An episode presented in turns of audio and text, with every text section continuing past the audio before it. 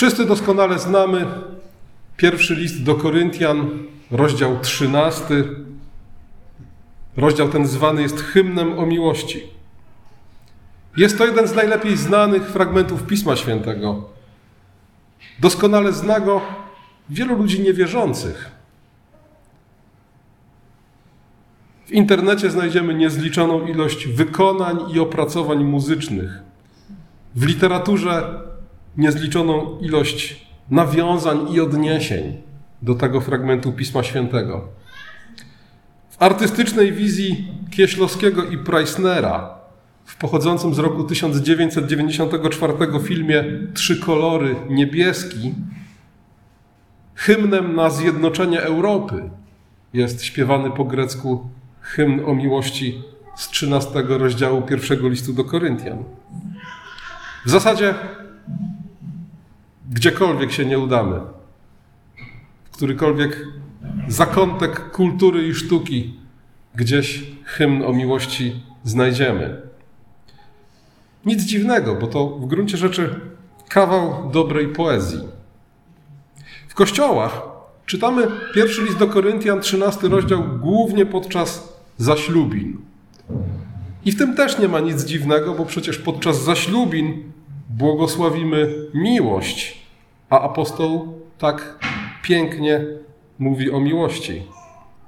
Ale mam nadzieję, że wszyscy zdajemy sobie sprawę z tego, że nie tylko o tego rodzaju miłości, a nawet nie przede wszystkim o tego rodzaju miłości apostoł mówi w 13 rozdziale pierwszego listu do Koryntian.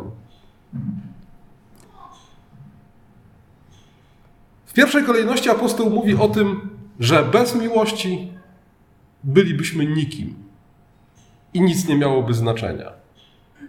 Gdybym mówił językami ludzi i aniołów, a miłości bym nie miał, byłbym jak miedź brzęcząca albo cymbał brzmiący. Gdybym miał dar prorokowania, gdybym znał wszystkie tajemnice, gdybym posiadał wszelką wiedzę, wszelką wiarę, nawet taką, która przenosi góry, ale nie miałbym miłości, byłbym niczym. Gdybym rozdał całą swoją majętność, gdybym nawet swoje ciało oddał na spalenie, bez miłości nic bym nie zyskał. Języki, o których apostoł Paweł wspomina, w kościele w Koryncie, do którego te słowa są adresowane, były pożądanymi przez wszystkich, były pożądanym, pożądanym przez wszystkich duchowym darem. Takim darem, którego posiadanie dawało poczucie przynależności do duchowej elity. Przed takim dziecinnym rozumieniem tego daru przestrzega apostoł Paweł w rozdziale 14. A w rozdziale 13 mówi: Mógłbyś wszystkimi możliwymi językami mówić, ale bez miłości nic ci to nie pomoże. Apostoł Paweł w 12 i 14 rozdziale mówi o tym, że proroctwo jest darem, który stoi wyżej niż ten pożądany przez Koryntian dar języków. Ale tu w 13 rozdziale mówi, nawet proroctwo jest niczym bez miłości. Wiara jest oczywiście czymś dobrym, ale nawet wiara, wszelka możliwa i wszelka możliwa wiedza bez miłości są niczym. W liście do Rzymian od pierwszego wersetu dwunastego rozdziału apostoł Paweł mówi, że nasze życie powinno być życiem ofiarnym, że odpowiedzią na Ewangelię jest złożenie siebie samego w ofierze Bogu. I używa tutaj obrazu znanego ze Starego Testamentu ofiary całopalnej. Powinniśmy w jakimś sensie spalić się dla Boga, stać się ofiarą całopalną dla Niego. Całe nasze życie powinno być czymś takim. Ale zwróćcie, że tutaj apostoł Paweł do tego samego obrazu się odwołując mówi, ale choćbym swoje ciało wydał na spalenie, bez miłości nic mi to nie pomoże. A więc to nasze ofiarne życie ma sens tylko wtedy, kiedy wypływa z miłości. Apostoł mówi, że miłość jest cierpliwa, jest łaskawa, czy też jak czytamy w przekładzie Biblii Ekumenicznej, pełna życzliwości. Nie zazdrości, nie szuka poklasku, nie unosi się pychą, nie jest zarozumiała, nie dopuszcza się bez wstydu, nie szuka gniewu, nie, nie, nie szuka swego, nie unosi się gniewem, nie pamięta złego, albo jak w przekładzie edycji świętego Pawła czytamy, nie liczy doznanych krzywd. Nie cieszy się z niesprawiedliwości, współweseli się z prawdą, wszystko znosi, wszystkiemu wierzy, we wszystkim pokłada nadzieję. Jest ponad języki proroctwa i wiedzę, bo przyjdzie taki czas, że języki ustaną, proroctwa się skończą, wiedzy zabraknie, a miłość pozostanie. Jest to niesamowity opis tego, czym jest miłość. I zapewne jest to materiał nie na jedno kazanie, ale na całą serię kazań, bo o samym tym jednym fragmencie, która mówi, że miłość nie liczy doznanych krzywd, moglibyśmy długo mówić.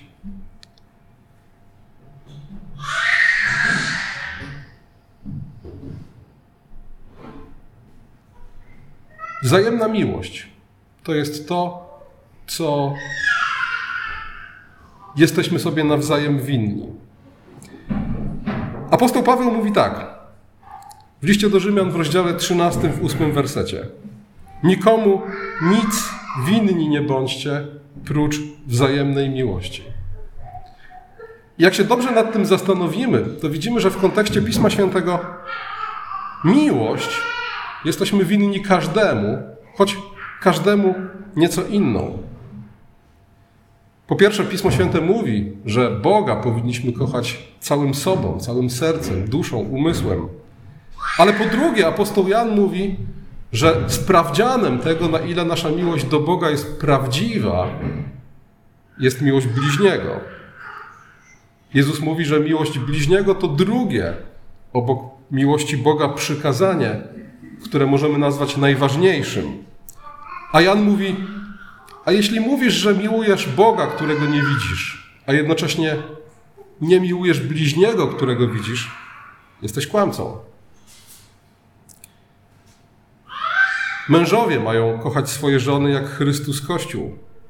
Rodzice mają kochać swoje dzieci tak jak Bóg, który jest Ojcem, kocha nas. Ale Bóg, który jest Ojcem, jest dla nas również jak matka, jak mówi chociażby Izajasz w 60 rozdziale w 13 wersecie. Dalej, miłość braci, po grecku Filadelfia. Jezus mówi, że nikt nie ma większej miłości ponad tą, jeśli ktoś swoje życie oddaje za swoich braci. Ale uzupełnieniem tej miłości braci Filadelfii jest coś, co Pismo Święte nazywa filoksenią, miłością do obcych przybyszów, tłumaczoną często jako gościnność.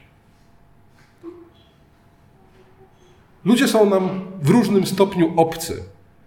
W pewnym zakresie każdy, kto nie jest domownikiem, jest dla nas obcy.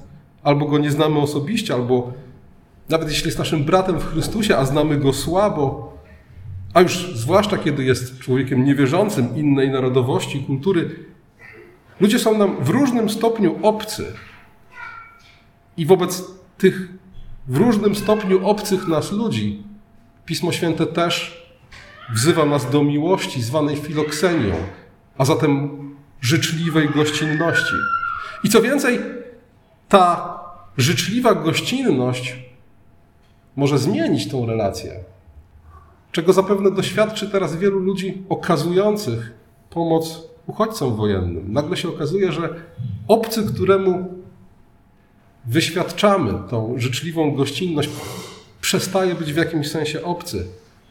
I to, co w punkcie wyjścia było filoksenią, staje się Filadelfią, miłością braci. I wreszcie miłość nieprzyjaciół, do której również Pismo Święte nas wzywa. A zatem, biorąc pod uwagę wszystko to, co apostoł Paweł mówi o miłości, te cechy miłości, biorąc pod uwagę te wszystkie rodzaje miłości, o których Pismo Święte mówi, to jest materiał nie na jedno, a na bardzo wiele kazań. Dzisiaj chciałbym powiedzieć o jednej tylko rzeczy w kontekście pierwszego listu do Koryntian.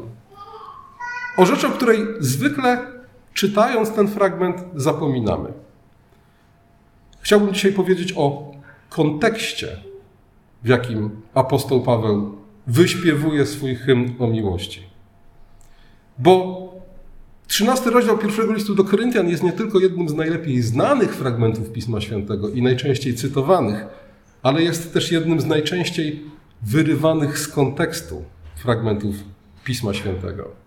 Zwykle traktowany jest, jakby był samodzielnym utworem literackim. A spróbujmy go dzisiaj przeczytać w kontekście całego listu, a w szczególności w kontekście obszernego fragmentu, którego ten hymn jest częścią. A ten obszerny fragment to rozdziały od 12 do 14. Generalnie pierwszy list do Koryntian jest poświęcony sprawom kościelnym. Jest to list skierowany do zboru borykającego się z poważnymi problemami. Apostoł Paweł mówi o moralności, o niemoralności w tymże kościele i to w dodatku niemoralności połączonej z poważnymi zaniedbaniami w zakresie dyscypliny kościelnej. W kościele pojawia się niemoralność, a kościół nie reaguje na to we właściwy sposób. Dalej apostoł pisze o konfliktach, a nawet procesach, jakie przed pogańskimi sądami wytaczają sobie nawzajem członkowie tego kościoła. Być może robią to dlatego, że w tym kościele nie ma dyscypliny. I widząc to, że Kościół nie reaguje na jawną niemoralność, nie wierzą w to, że ktokolwiek w Kościele będzie w stanie rozstrzygnąć ich spór.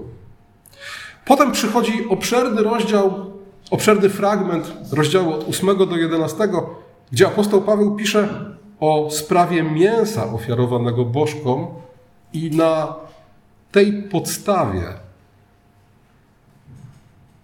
udziela obszernej lekcji wolności, dojrzałości, odpowiedzialności za siebie nawzajem. Niejako przy okazji, pouczając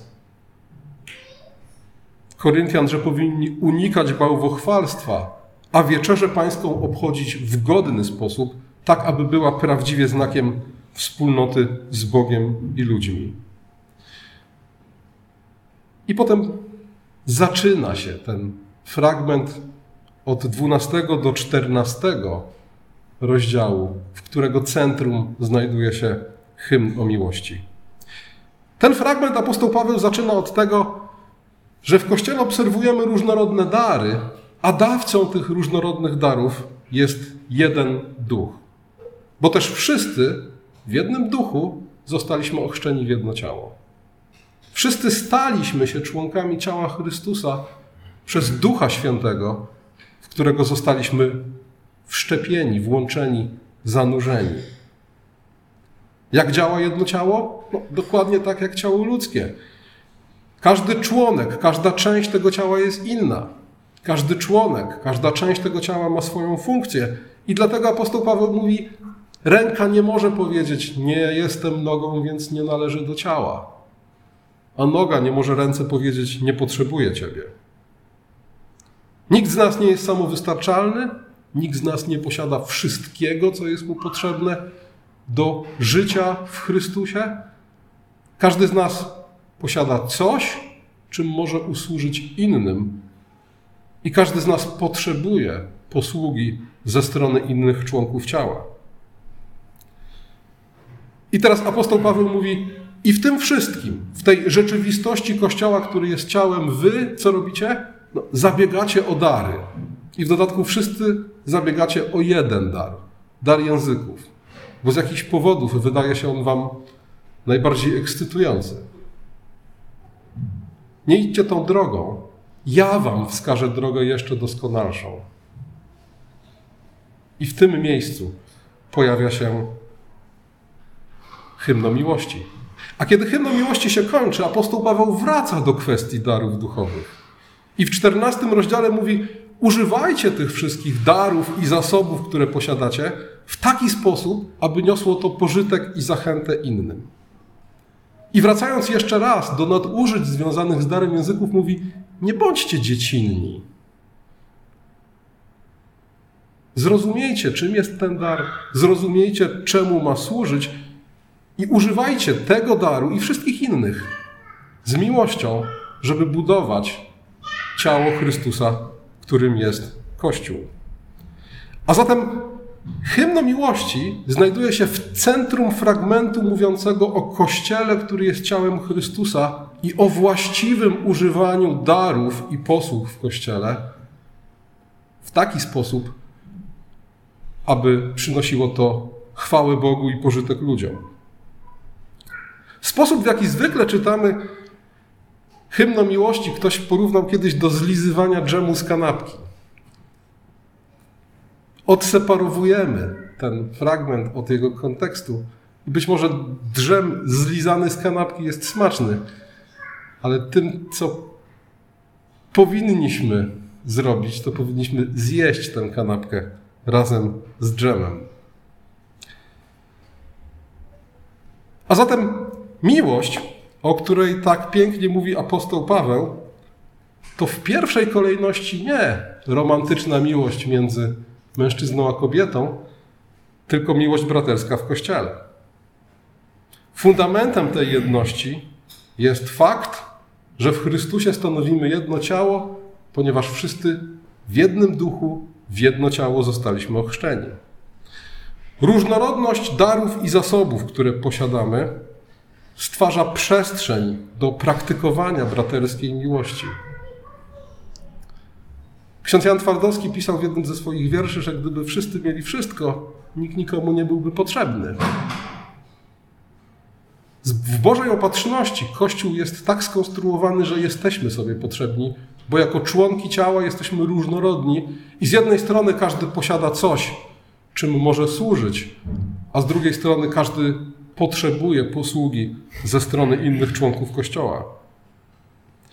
I wszystko, co dzieje się w Kościele, wszystkie możliwe dary, posługi, urzędy, struktury i aktywności powinny być traktowane jako narzędzia do praktykowania wzajemnej miłości. Powinny być używane z miłością w tym właśnie celu, żebyśmy w tej miłości dalej wzrastali. Wszelka aktywność, najbardziej nawet ofiarna służba, jak apostoł Paweł mówi, bez miłości jest niczym. Bez miłości do niczego nie prowadzi i nic nie daje.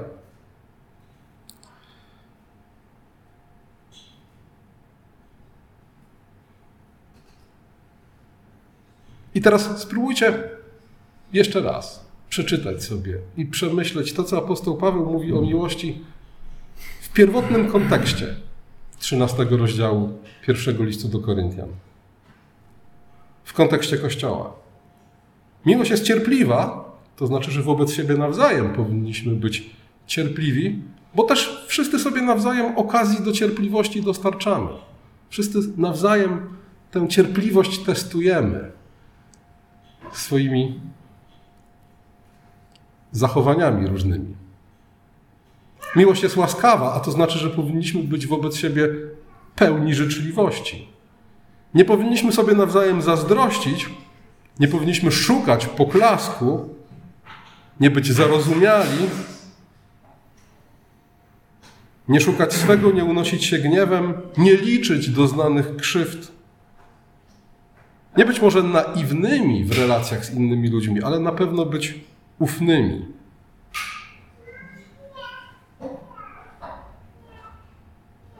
To jest zadanie, które stoi przed nami w Kościele. Żeby przestrzeń do praktykowania tego rodzaju miłości stworzyć, musimy zbudować wspólnotę. Jak możemy być wobec siebie pełni życzliwości, cierpliwości, jeśli na co dzień niewiele nas łączy? I dlatego jako Kościół potrzebujemy realnej społeczności.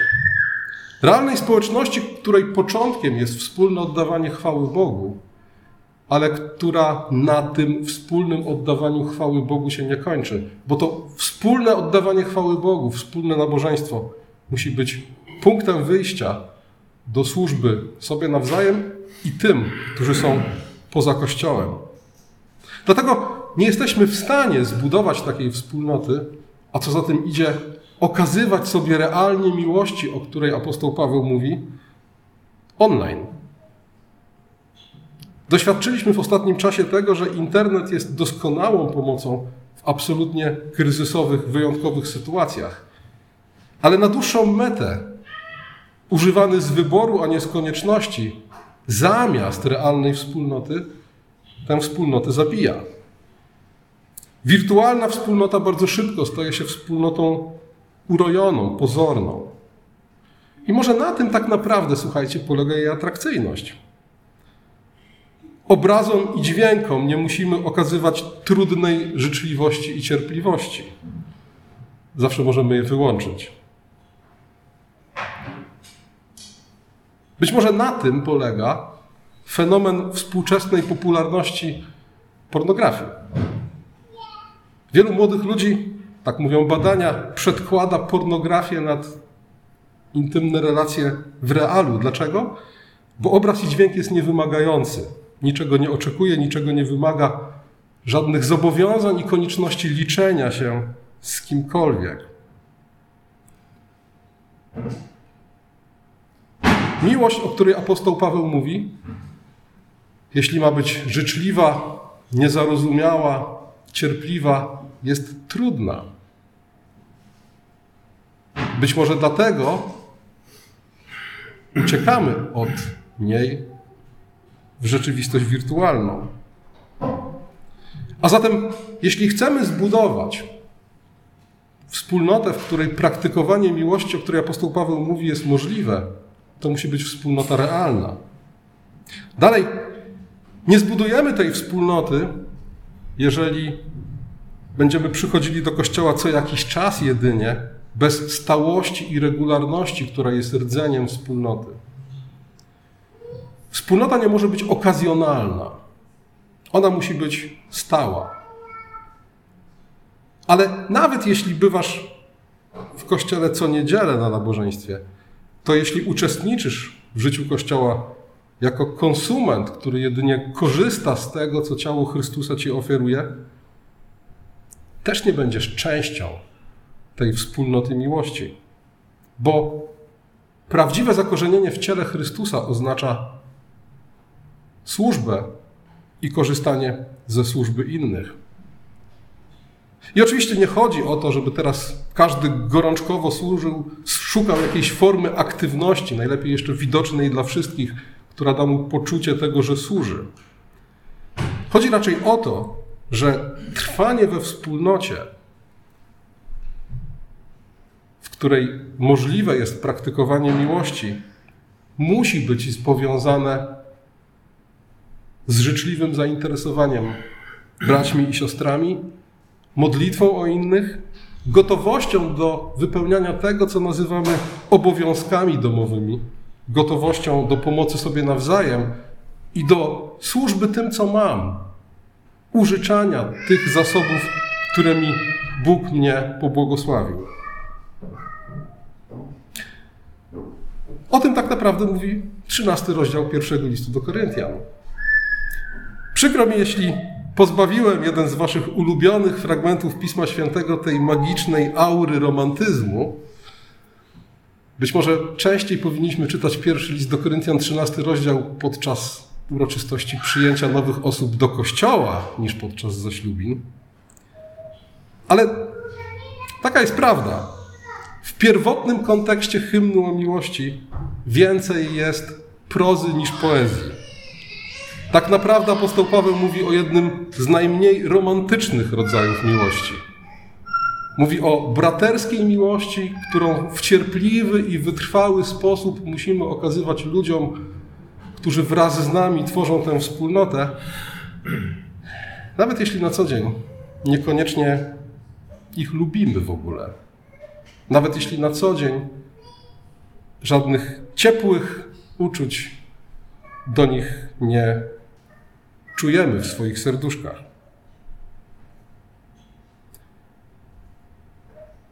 Pierwszy list do Koryntian, 13 rozdział, hymn o miłości. Ten fragment mówi przede wszystkim o tym, co to znaczy, że w jednym duchu zostaliśmy ochrzczeni w jedno ciało. I co tak naprawdę jest niezbędne, aby to jedno ciało mogło funkcjonować jak jedno ciało. Amen.